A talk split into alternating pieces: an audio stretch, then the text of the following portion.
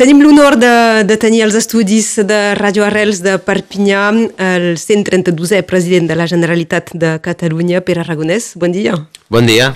És la primera vegada que un president eh, ha nascut després de Radio Arrels, eh?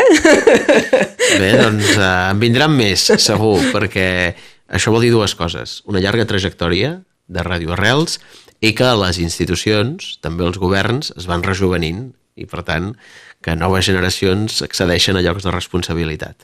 Uh, I per Aragonès uh, ja l'hem vist a Catalunya Nord, fins i tot donant classes a l'universitat. Jo recordo, li, li recordo sempre que el veig. La primera entrevista va ser com a, com a docent a l'Universitat de Perpinyà. Sí, sí, va ser doncs, un curs que vaig poder doncs, impartir un seminari de l'àmbit econòmic i va ser una molt bona experiència, en tinc un molt bon record i recordo precisament doncs, eh, que vaig venir aquest mateix estudi, o no sé si era sí, aquest, sí, exactament sí. aquest mateix, però en cas aquest mateix local a, a fer doncs, una entrevista, per tant, eh, molt content de tornar a ser aquí.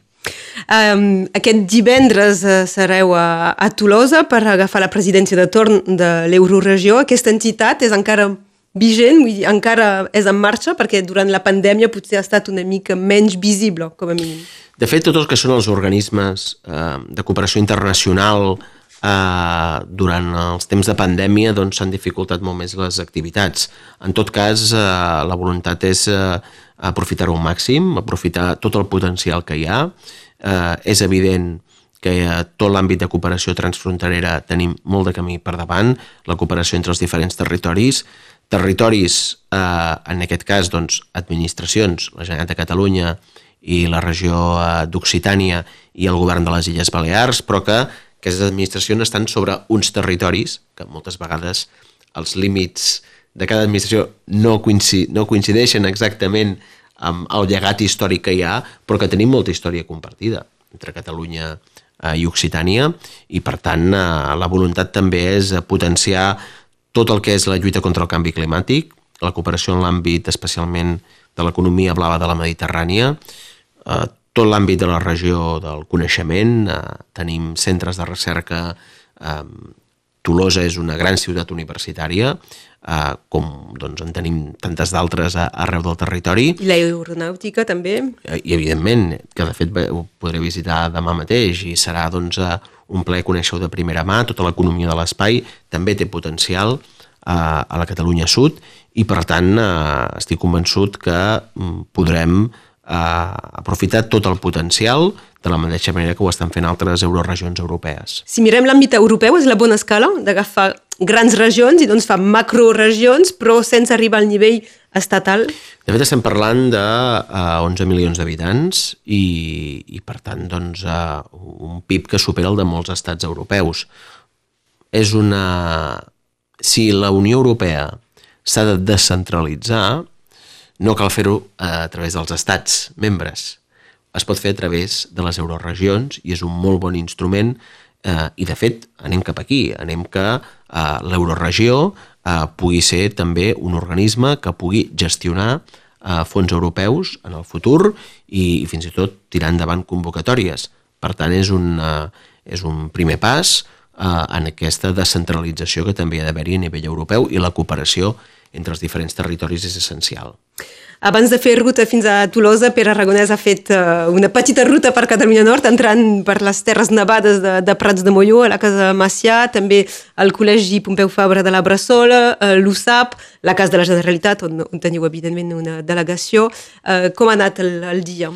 Molt bé, de fet, sempre que tinc l'oportunitat de, de visitar la Catalunya Nord és, és un plaer, en aquesta vegada fent-ho com a president de la Generalitat de Catalunya.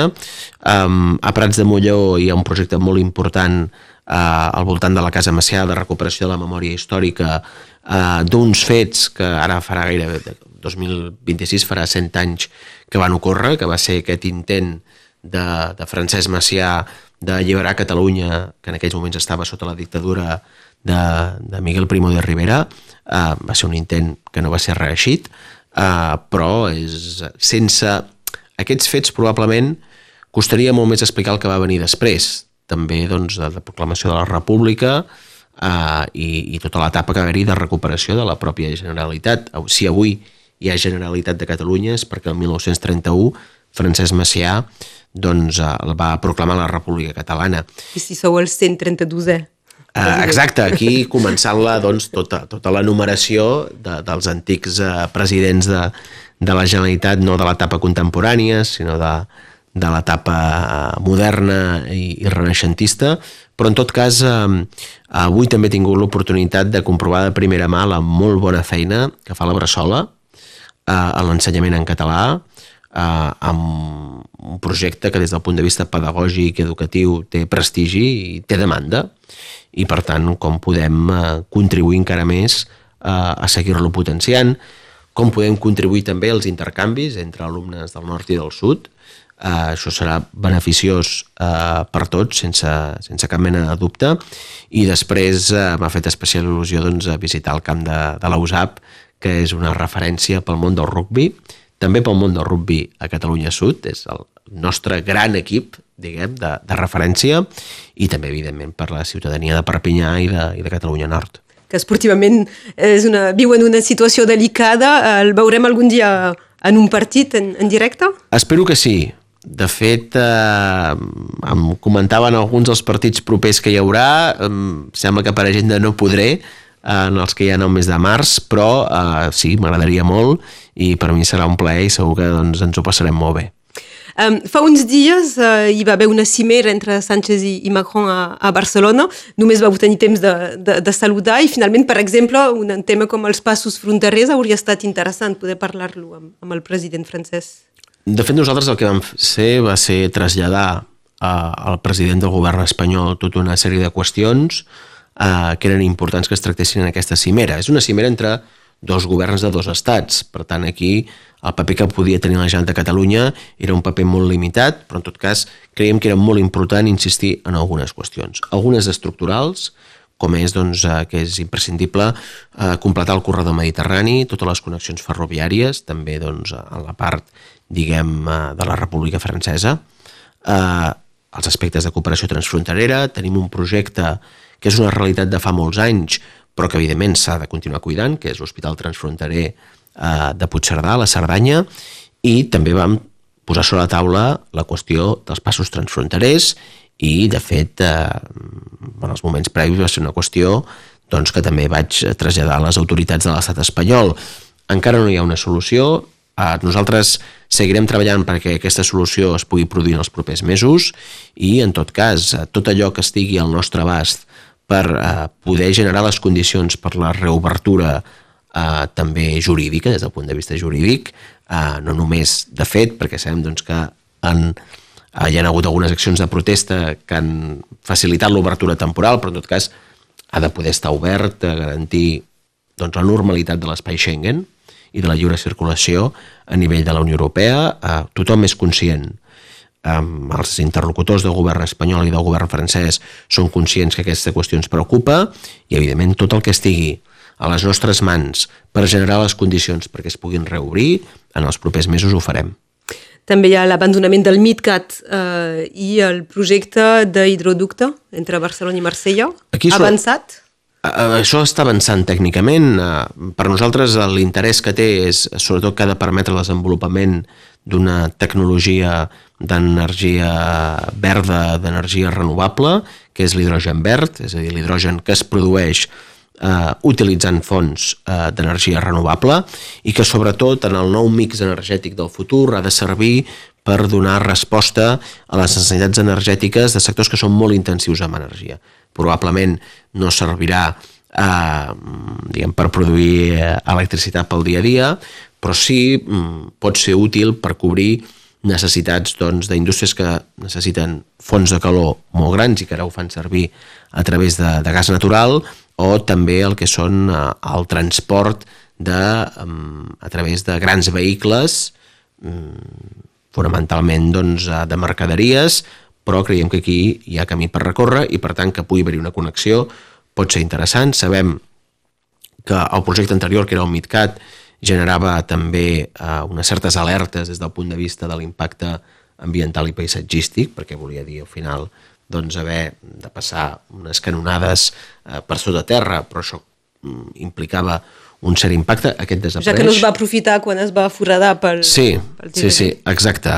Um, però aquest recel ara desapareix, en tot cas uh, ha de tenir sentit eh, en el marc de les noves xarxes energètiques europees basades en energies renovables.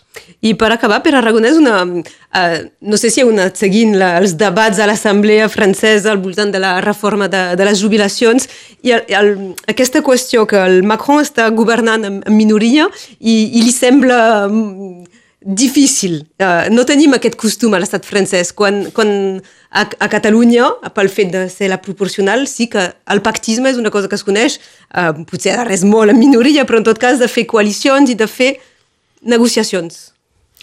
Sí, de fet aquest és el camí en societats que són molt plurals i que també des del punt de vista polític i de la representació als parlaments doncs, hi ha una polarització, moltes vegades. Això obliga a arribar a acords. Eh, nosaltres el que desitgem és en qualsevol qüestió que s'estigui debatent que es pugui arribar a acords que siguin positius per la ciutadania eh, i en tot cas doncs, eh, respectem eh, els debats que estan havent-hi doncs, a l'Assemblea Nacional Francesa um, nosaltres en aquest sentit no, no intervenim uh, en tot cas tot el que ho deia com puguem... observador, eh? D'això sí, sí, 49-3, sí, crec... la famosa clau sí, crec que, no, jo crec que um, les societats europees um, el camí que hi haurà en el futur és que estarà més fragmentada la representació política. És cert que depèn del sistema institucional, es premia no? la, en alguns casos es premia la representació doncs, els que queden com a primera força, a, a tot cas nosaltres tenim un sistema proporcional al Parlament de Catalunya i això ens obliga des de fa molts anys a arribar a acords parlamentaris amplis uh, i crec que aquest és el camí. A vegades camí. difícils d'aconseguir. A vegades molt difícils d'aconseguir i a vegades no es pot aconseguir però quan s'aconsegueixen és perquè tothom ha posat per davant l'interès general i no l'interès de part, que també és legítim, però l'interès general és el que està per, ha d'estar per sobre de tot. Gràcies d'haver vingut aquí als estudis de, de Radio Arrels. Eh, fins, fins aviat, espero que no, no tardem tant a tornar-nos a trobar. I tant, gràcies, fins aviat i enhorabona per la vostra tasca. Adéu, bon dia.